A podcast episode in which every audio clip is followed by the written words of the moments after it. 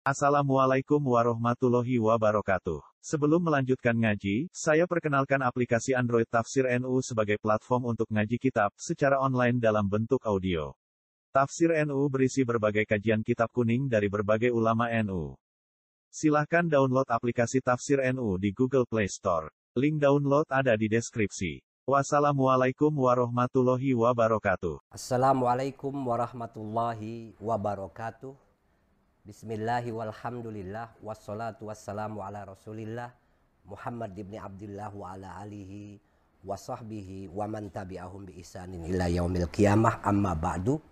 Faqala ta'ala ya ayyuhalladzina amanu idza qila lakum tafassahu fil majalisi fafsahu yafsahillahu lakum wa idza qila suzu fansuzu yarfa'illahu alladzina amanu minkum walladzina utul ilma darajat Wa qala Rasulullah sallallahu alaihi wasallam man salaka tariqan yaltamisu fihi ilman sahalallahu lahu tariqan ilal jannah.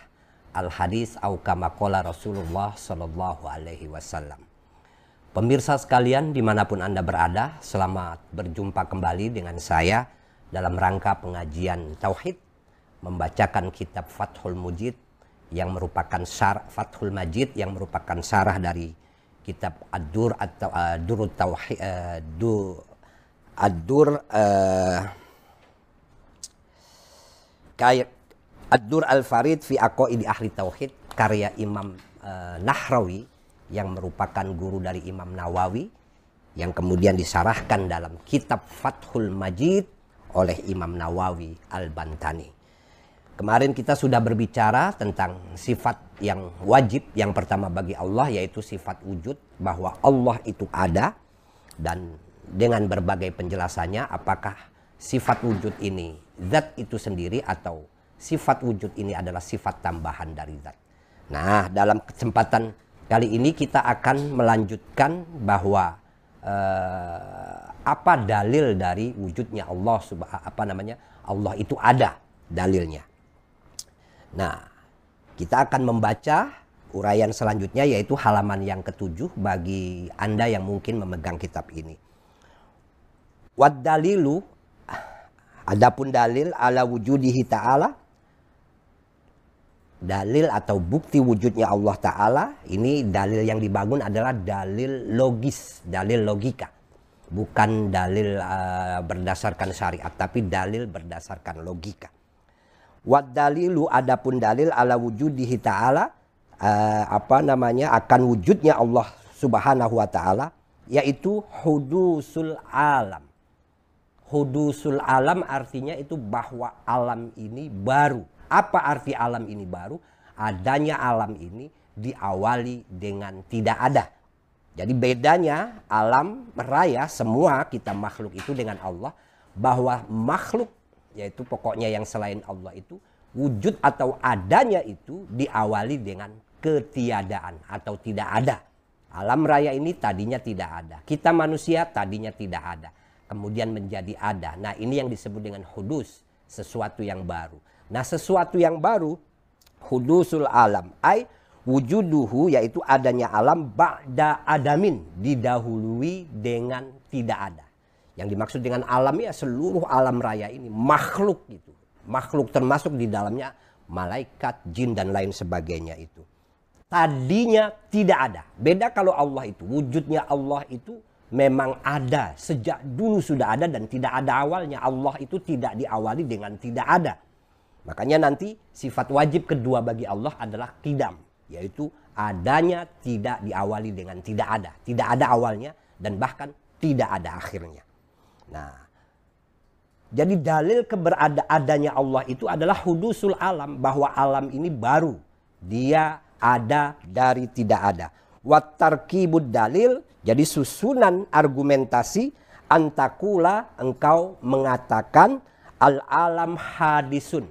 Alam itu baru. Wa kullu hadisun lahu dan setiap yang baru pasti ada pembuatnya atau pasti ada penciptanya takhruju an natijah maka konklusinya atau kesimpulannya al alam lahusoni alam ini pasti punya pencipta atau pembuatnya. Ada yang buat alam raya ini. Tidak mungkin alam raya ini terjadi dengan sendirinya. Karena kita tahu berdasarkan uh, penelitian para ilmuwan, alam raya ini terjadi prosesnya itu sangat uh, apa ya? Sangat rapi, sangat teliti yang kemudian melahirkan berbagai disiplin ilmu yang dilakukan atau hasil dari uh, penelitian manusia, baik ilmu yang sifatnya itu hard science, ilmu-ilmu eksak atau ilmu-ilmu soft, ilmu-ilmu yang bersifat lunak. Uh, seperti ilmu-ilmu humaniora, sosiologi, psikologi, kalau yang eksak itu mungkin ilmu adalah ilmu matematika yang kemudian melahirkan teknologi dan lain sebagainya itu. Jadi dalil bahwa Allah itu ada adalah hudusul alam. Alam ini baru, artinya dia diciptakan. Tadinya tidak ada, menjadi ada. Nah, alam ada ini tidak mungkin ada dengan sendirinya. Jadi, al-alam hadisun. Wa kullu hadisin lahusoni. Setiap yang baru itu pasti ada penciptanya. Takhruju an natijah. Maka kesimpulannya al alam lahu soni, alam ini ada penciptanya. Nah, sekali lagi ini uh, masuk dalam pembahasan ilmu mantik yaitu ada mukaddimah sugro, mukaddimah kubro dan uh, an-natijah. Atau kalau dalam bahasa ilmu logikanya ada premis minor, premis mayor dan konklusi. Hada huwa, dalilun akliyun. Inilah dalil logika yang membuktikan bahwa Allah itu ada. Mungkin ada orang yang mengatakan, oh enggak itu bukan merupakan argumentasi yang kuat. E, mengatakan Allah itu ada karena alam ini bersifat baru. Nah ingat, yang bersifat baru itu pasti terdiri dari materi dan selain itu memiliki sifat-sifat kematerian atau kebendaan seperti diam, bergerak dan lain sebagainya. Kita tahu alam ini kalau dalam bahasa Arab itu terdiri dari a'rot, a'rot wal ajram. Ajram itu artinya materi, sementara a'rot itu artinya adalah sifat-sifat yang melekat pada materi. Seperti manusia ini. Ini materi. Kita ini memiliki materi, materi ada daging, ada apa namanya uh, tulang, ada darah Nah, itu ajrom namanya. Sementara yang disebut dengan a'rod itu sifat-sifat yang melekat pada materi itu. Dan sifat yang paling kuat dari materi itu adalah diam atau bergerak. Tidak ada materi yang tidak bergerak. Semua materi itu pasti bergerak. Sesuatu yang bergerak pasti baru. Dia melekat pada materi yang juga bersifat baru. Artinya materi yang melekat di dalam materi itu sesuatu yang baru, maka materi itu bersifat baru. Bahkan kalau kita memperhatikan dan membaca buku-buku fisiologis tentang fisik manusia, itu dijelaskan bahwa sel-sel tubuh kita ini setiap saat itu selalu berganti. Bahkan menurut penelitian fisiologis itu 10 tahun itu sel-sel tubuh yang ada di dalam diri kita ini sudah baru semua. Jadi badan saya, kepala saya, rambut saya, kuping saya, mata saya dan lain sebagainya, bulu-bulu yang ada di dalam tubuh saya ini tuh dibanding 10 tahun yang lalu itu sudah baru semua. Sudah baru semua karena mengalami perubahan. Jadi tanda-tanda barunya alam raya itu adalah dia terdiri dari materi dan materi itu memiliki sifat-sifat yang berubah. Ya, materi itu, ah, makanya disebut alam ini terdiri dari ajrom wal a'rod. Ajrom itu artinya materi, sementara a'rod itu artinya adalah sifat-sifat yang melekat pada materi. Ada warna kuning, ada warna hijau, ada warna hitam. Itu sifat materi, yaitu a'rod. Begitu juga dengan bergerak atau diam. Tidak ada benda itu yang tidak bergerak. Hatta besi yang beratnya 10 kilo yang kita lihat sepertinya uh, apa namanya sebagai onggokan gitu dia diam itu pada hakikatnya kalau kita meneliti itu terjadi perubahan. Cuman memang perubahannya itu sangat sangat uh, apa namanya uh, tipis dan kecil sekali. Hanya para ilmuwan yang bisa melihat perubahan itu. Tapi kalau diri kita wah kita setiap hari berubah ini sel-sel tubuh kita selalu berubah. Begitu juga tumbuhan, binatang dan lain sebagainya. Kita perhatikan kalau kita menanam apa katakanlah uh, cabai di rumah itu dari biji kita taruh dia di dalam tanah kemudian biji itu akan uh, berubah menjadi akar akar kemudian melahirkan batang batang kemudian melahirkan daun dan lain sebagainya seminggu kita tanam itu sudah terjadi perubahan sebulan berubah lagi tiga bulan berubah lagi sampai akhirnya berubah uh, uh, berbuah itu cabai awalnya cabai warna hijau kemudian berubah menjadi kuning lambat laun menjadi merah itu sesuatu yang membuktikan bahwa alam raya ini adalah hadis atau sesuatu yang baru yang adanya diawali dengan tidak ada. Nah, sesuatu yang baru itu pasti ada penciptanya, pasti ada pembuatnya. Siapa penciptanya? Penciptanya adalah zat yang maha hebat, yang maha kuat, yang maha teliti, yang maha bijaksana dan lain sebagainya dan maha-maha lainnya yang kemudian membuat alam alam raya ini bergerak sedemikian teratur. Berkah dari keteraturan alam raya inilah kemudian melahirkan berbagai ilmu pengetahuan yang landasannya adalah penelitian yang dilakukan oleh para ilmuwan itu. Wah, ini kita stop dulu sampai di sini. Alam raya ini ada penciptanya. Tidak mungkin uh, tercipta dengan sendirinya. Siapa penciptanya? yaitu zat yang maha agung dan lain sebagainya. Dan maha maha. Siapa namanya? Nah di sinilah peran wahyu. Peran para nabi menyampaikan kepada kita bahwa zat yang maha mulia maha agung maha bijaksana ada namanya. Gitu. Siapa namanya? Nah kita lanjutkan. Wa amma kaunusone adapun uh, wujud apa keberadaan pencipta huwa Allah yaitu namanya Allah Subhanahu wa taala wahdahu sendirian. La syarika tidak ada temannya, tidak ada mitranya. Jadi Allah itu menciptakan alam raya ini tidak bermitra. Ini nanti akan ada penjelasan tersendiri apa yang dimaksud dengan la syarikalah, tidak bermitra. Kalau kita manusia melakukan apa pun pasti bermitra, pasti membutuhkan pihak lain. Sementara Allah itu la syarikalahu, tidak memiliki mitra, tidak memiliki apa namanya koloni, tidak ada pembantunya dalam menciptakan alam raya ini. Murni la syarikalahu wahdahula. Wahdah sendirian. Falaisa mustama dan minad dalil.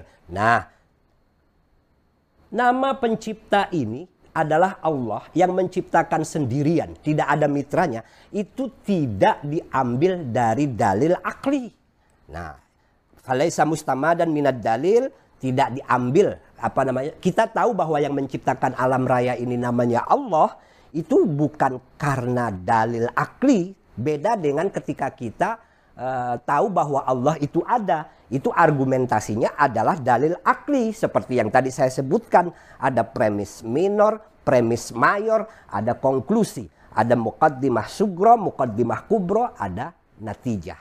Itu dalil dalil logis argumentasi logis Allah itu ada. Alam raya ini ada yang menciptakan. Tapi namanya Allah itu bukan tidak membutuh, bukan kita tahu bukan berdasarkan dalil akli. Bal akan tetapi kita tahu alam raya ini diciptakan oleh zat yang maha agung, maha mulia yang namanya Allah bal minar rusul. Kita tahu namanya Allah itu dari para rasul, utusan. Yaitu ya sejak Nabi Adam sampai Nabi besar Muhammad sallallahu alaihi wasallam. Minar rusuli alaihi wassalam. Semoga uh, solawat dan keberkahan, kedamaian kita limpahkan kepada para rasul. Fatanabah maka ini harus diperhatikan lihadihis lihadihil masalah untuk masalah ini. Jadi saya ulangi.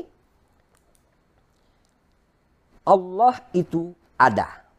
Bukti adanya Allah atau Tuhan itu ada. Bukti adanya Tuhan itu adalah wudusul alam. Wudusul alam itu artinya alam raya ini baru. Baru itu artinya diciptakan dari tidak ada. Sesuatu yang diciptakan dari tidak ada, maka pasti ada penciptanya. Nah, itu dalil wujud atau adanya Tuhan.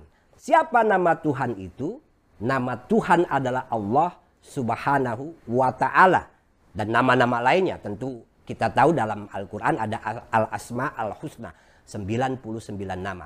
Kok tahu kita namanya Allah? Kita tahu namanya Allah itu peran disampaikan oleh para rasul kepada umat manusia.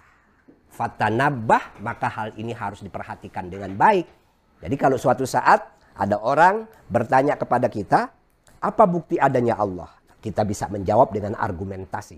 Apa bukti adanya Tuhan? Kita bisa menjawab dengan argumentasi yang tadi sudah kita bacakan bersama-sama itu. Yang pertama soal keberadaannya itu. Argumentasinya ada, adalah argumentasi logis atau dalilun akliun. Sementara nama dari zat yang menciptakan itu kita tahu bukan berdasarkan pikiran kita, bukan berdasarkan logika kita, tapi itu adalah informasi yang datang dari para rasul, yaitu para utusan Allah Subhanahu wa Ta'ala kepada umat manusia. Nah, jadi saya tidak perlu menjelaskan detail-detail tentang bagaimana uh, mukaddimah sugro, mukaddimah kubro dan natijah yang ada di dalam dalil atau argumentasi logis yang tadi sudah kita bacakan. Kita lanjutkan. Wa inna makana dan sesungguhnya ada apa yang ada hudusul alami barunya alam raya ini dalilan menjadi dalil atau bukti ala wujudihi ta'ala atas adanya Allah Ta'ala. Li'annal alam karena sesungguhnya alam ini qabla wujudihi sebelum adanya karena mungkinan. Dia mungkin. Artinya mungkin di antara ada dan tidak ada. Antara ada dan tidak ada. Kemudian alam ini menjadi ada pasti ada yang menentukan adanya. Nah ini saya ulangi lagi, pada hakikatnya alam raya ini sebelum dia ada, dia punya kemungkinan ada dan punya kemungkinan tidak ada. Jadi kemungkinannya ada dua, antara ada dan tidak ada. Faktanya alam raya ini ada, artinya yang menang adalah ada. Karena faktanya alam raya ada. Nah untuk menjadi ada di antara tidak ada dan ada, ini pasti ada yang menentukan. Oh, alam raya ini harus ada. Maka yang menentukan ini adalah dat yang maha kuasa. Yang mengadakan. Karena mungkinan, ay, yaitu maksud mungkin adalah wujuduhu wa adamuhu ala haddin sawa. Baik adanya alam raya ini atau tidak adanya sama-sama punya potensi sama-sama mungkin terjadi. Walaupun faktanya Allah menciptakan alam raya ini. Artinya faktanya alam raya ini ada. Jadi mudah-mudahan ini bisa dipahami. Jadi alam raya ini menjadi bukti adanya Tuhan itu karena pada hakikatnya alam raya ini itu bisa ada dan bisa tidak ada kemudian alam raya ini ada, berarti ada yang menentukan, yang memilih alam raya ini di antara tidak ada dan ada. Nah, yang memilih alam raya ini menjadi ada, itulah Tuhan yang maha kuasa, Tuhan yang maha sempurna. Yaitu Allah subhanahu wa ta'ala. Dari mana kita tahu namanya Allah? Dari wahyu yang disampaikan oleh para rasul kepada kita. Uh, fawujuduhu uh, hadin sawa. Fawujuduhu maka wujudnya alam musawin li adamihi. Sama dengan tidak adanya. Artinya apa namanya kesempatan untuk ada atau tidak ada itu sama.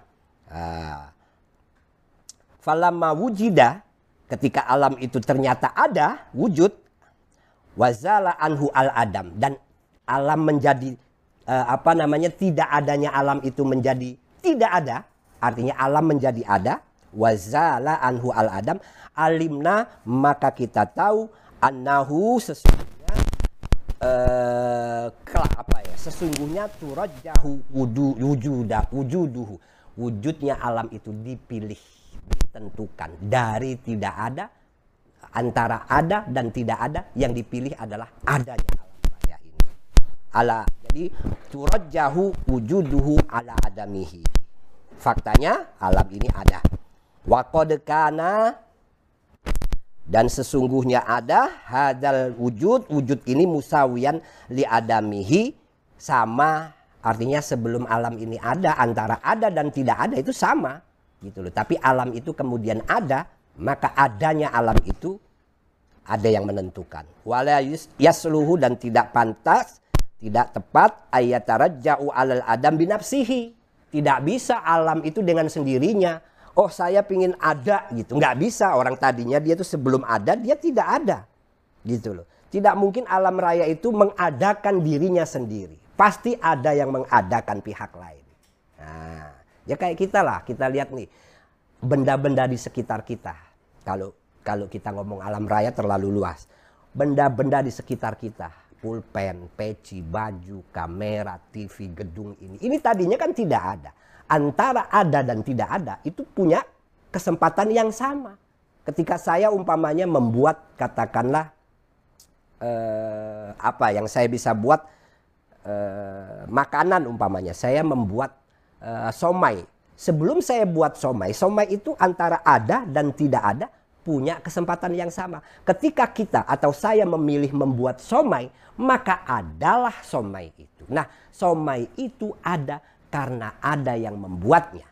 Pulpen ini ada karena ada yang membuatnya. Peci ini ada karena ada yang membuatnya. Baju ini ada karena ada yang membuatnya. Alam raya ini ada karena ada yang membuatnya, yaitu zat yang maha ada, yang adanya bahkan sudah ada sebelum kata ada itu ada. Wah, maka sebetulnya dalam bahasa Arab yang memiliki sifat wujud itu hanya Allah. Kita ini alam raya termasuk kita di dalamnya itu bukan wujud tapi maujudun. Kenapa maujudun? artinya diadakan, bukan ada. Kenapa diadakan? Kenapa maujud? Karena kita ini aslinya tidak ada. Kita ada karena diadakan. Nah, jadi ini harus pelan-pelan dipahami dengan baik. Karena memang ngaji ilmu tauhid ini kita diajak berpikir secara logis menggunakan teori-teori ilmu logika itu tadi. Uh, dan terakhir, tidak mungkin alam raya itu wujud dengan sendirinya, memilih dirinya wujud.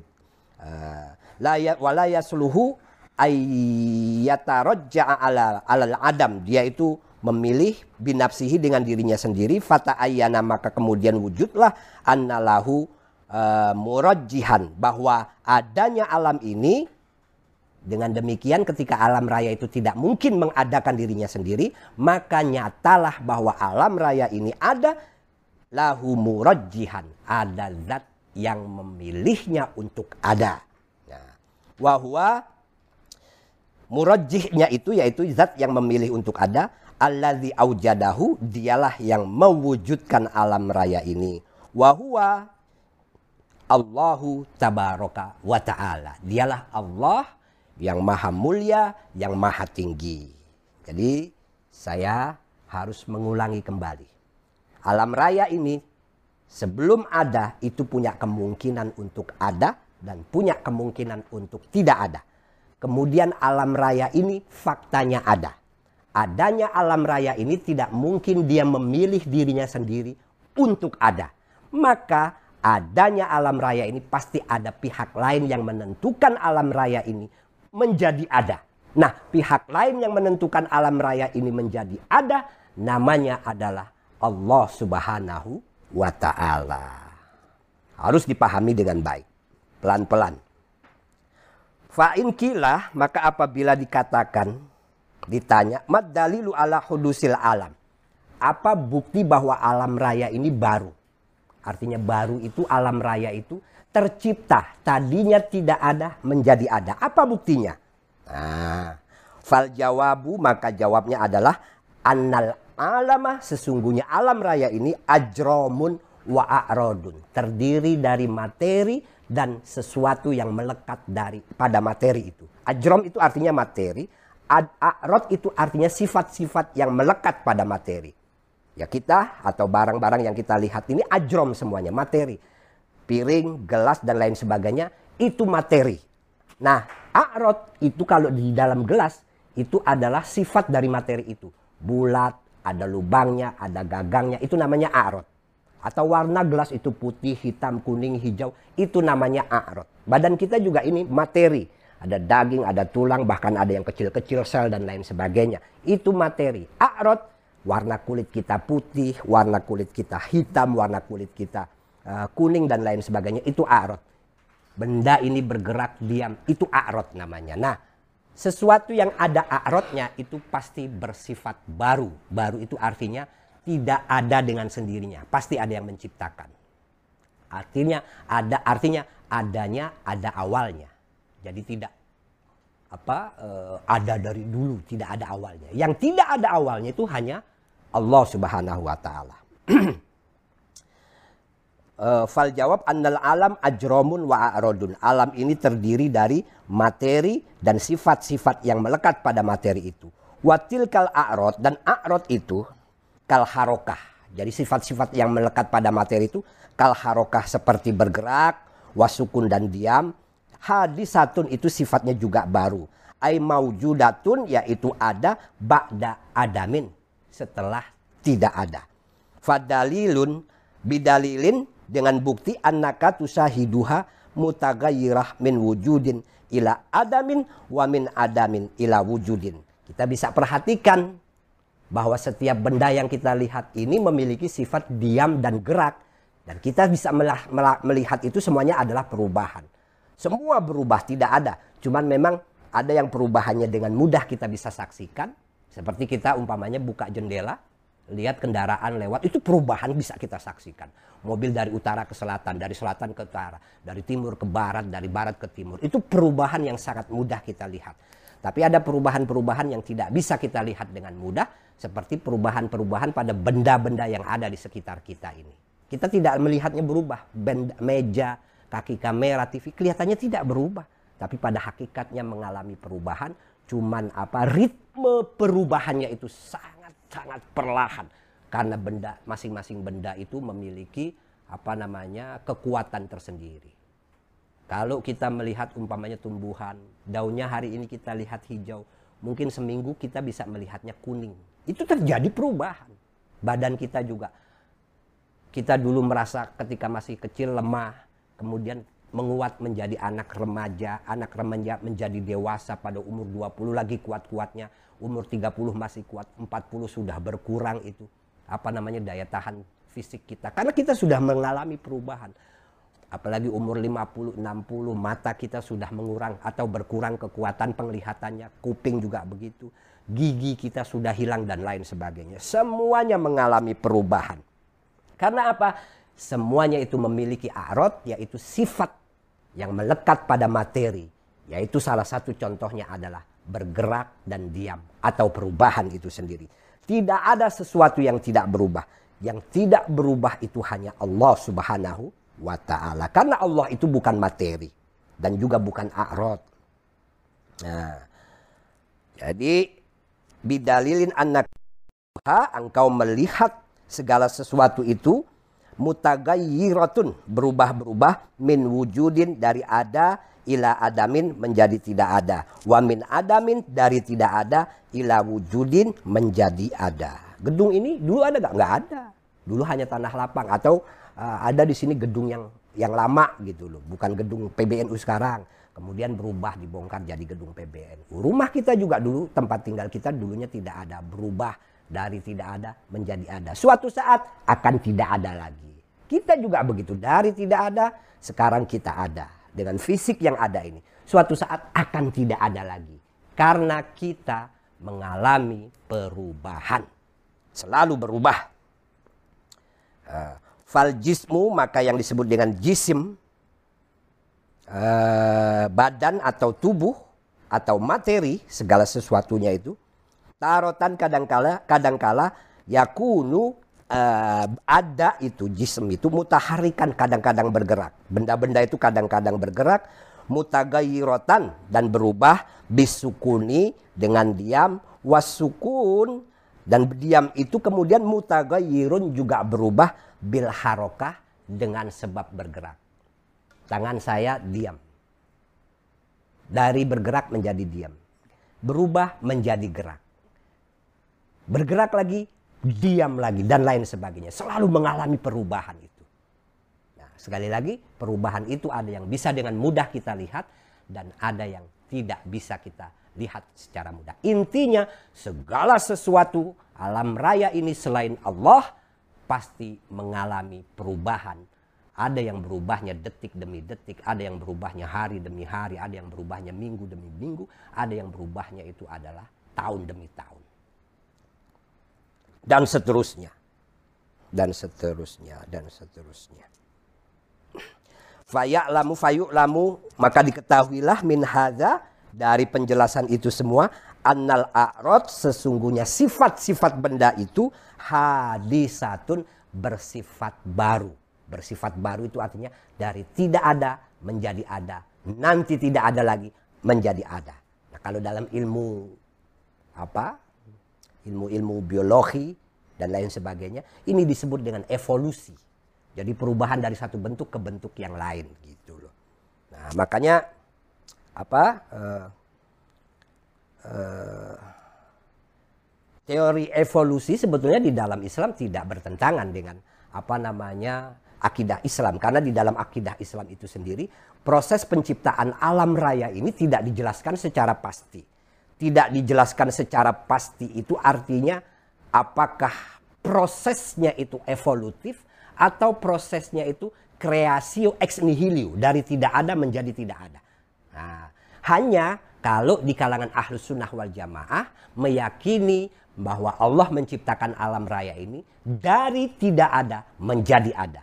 Itu kemudian dalilnya orang mengutip ayat yang ada di dalam surah Yasin ayat yang terakhir innama amruhu idza arada syai'an ayyakula lahu kun fayakun. Sesungguhnya Allah itu jika ia menghendaki sesuatu maka Allah akan memerintahkan sesuatu itu ada dengan mengucapkan kun fayakun. Adalah maka sesuatu itu menjadi ada.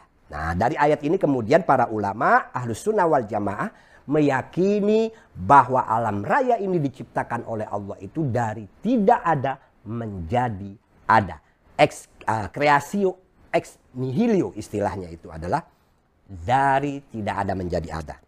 Walaupun ini masih bisa terjadi diskusi di kalangan ulama terutama para filosof muslim juga ada yang mengatakan bahwa alam raya ini tercipta bukan dari tidak ada menjadi ada.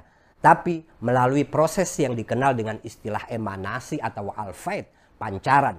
Apalagi ada hadis kutsi yang mengatakan bahwa Allah itu pernah berfirman, kuntu kanzan makhfiyan fauridu an u'raf. Nah, jadi aku dulunya adalah perbendaharaan yang tersembunyi. Maka ketika Allah itu menginginkan dikenal, fauridu an u'raf, aku ingin dikenal. Ketika Allah berfirman seperti itu terjadilah al-faid atau emanasi atau pancaran dari entitas. Nah, apalah bahasanya kalau sudah soal Allah ini kita sudah sulit membahasakan dengan kalimat yang tepat. Dari zat Allah itu memancar entitas awal, entitas kedua, entitas ketiga dan lain sebagainya yang teori ini dijelaskan oleh seorang filosof muslim yang bernama Ibnu Sina. Tapi di kalangan ahlu sunnah wal jamaah penciptaan alam raya itu bukan berdasarkan al-faid, bukan berdasarkan emanasi, tapi berdasarkan kreasio ex nihilio dari tidak ada menjadi ada. Nah, sebagai seorang muslim, pelajar muslim, kita boleh membaca dan memahami uh, perdebatan soal asal usul penciptaan alam raya ini. Yang penting kita yakin alam raya ini tidak ada dengan sendirinya. Dia ada karena diadakan oleh yang maha ada. Yang maha ada itu ada bahkan sebelum kata ada itu ada. Dan namanya adalah Allah subhanahu wa ta'ala yang kita tahu nama itu dari para rasul yang diutus kepada kita. Nah.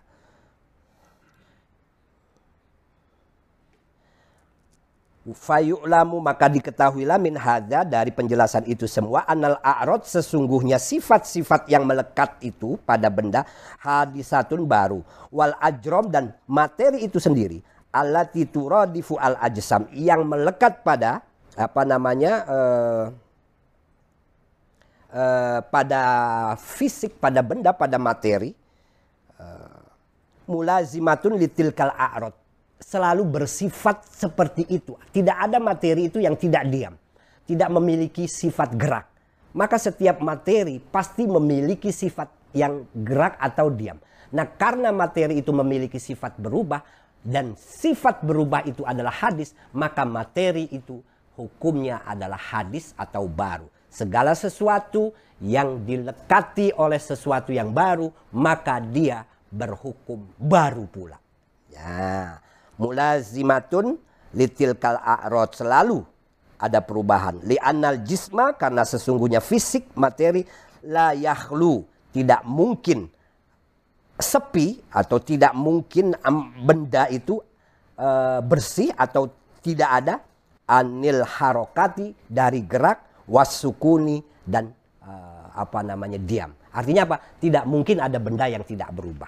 Tidak mungkin itu. Pasti kalau tidak diam ya bergerak. Punya sifat-sifat yang baru. Nah sifat yang baru ini pasti melekat pada sesuatu yang sesuatu itu pasti bersifat baru pula. Jadi li annal jisma la yahlu minal anil harokat wasukun. Tidak ada benda atau materi yang tidak diam dan tidak bergerak. Wa kullu mulazimatin lil hadis. Segala sesuatu yang melekat padanya sesuatu yang hadis. Fahuwa hadisun. Maka dia juga bersifat hadis atau baru. Sekali lagi makna baru atau hadis ini adalah tercipta. Artinya tadinya tidak ada.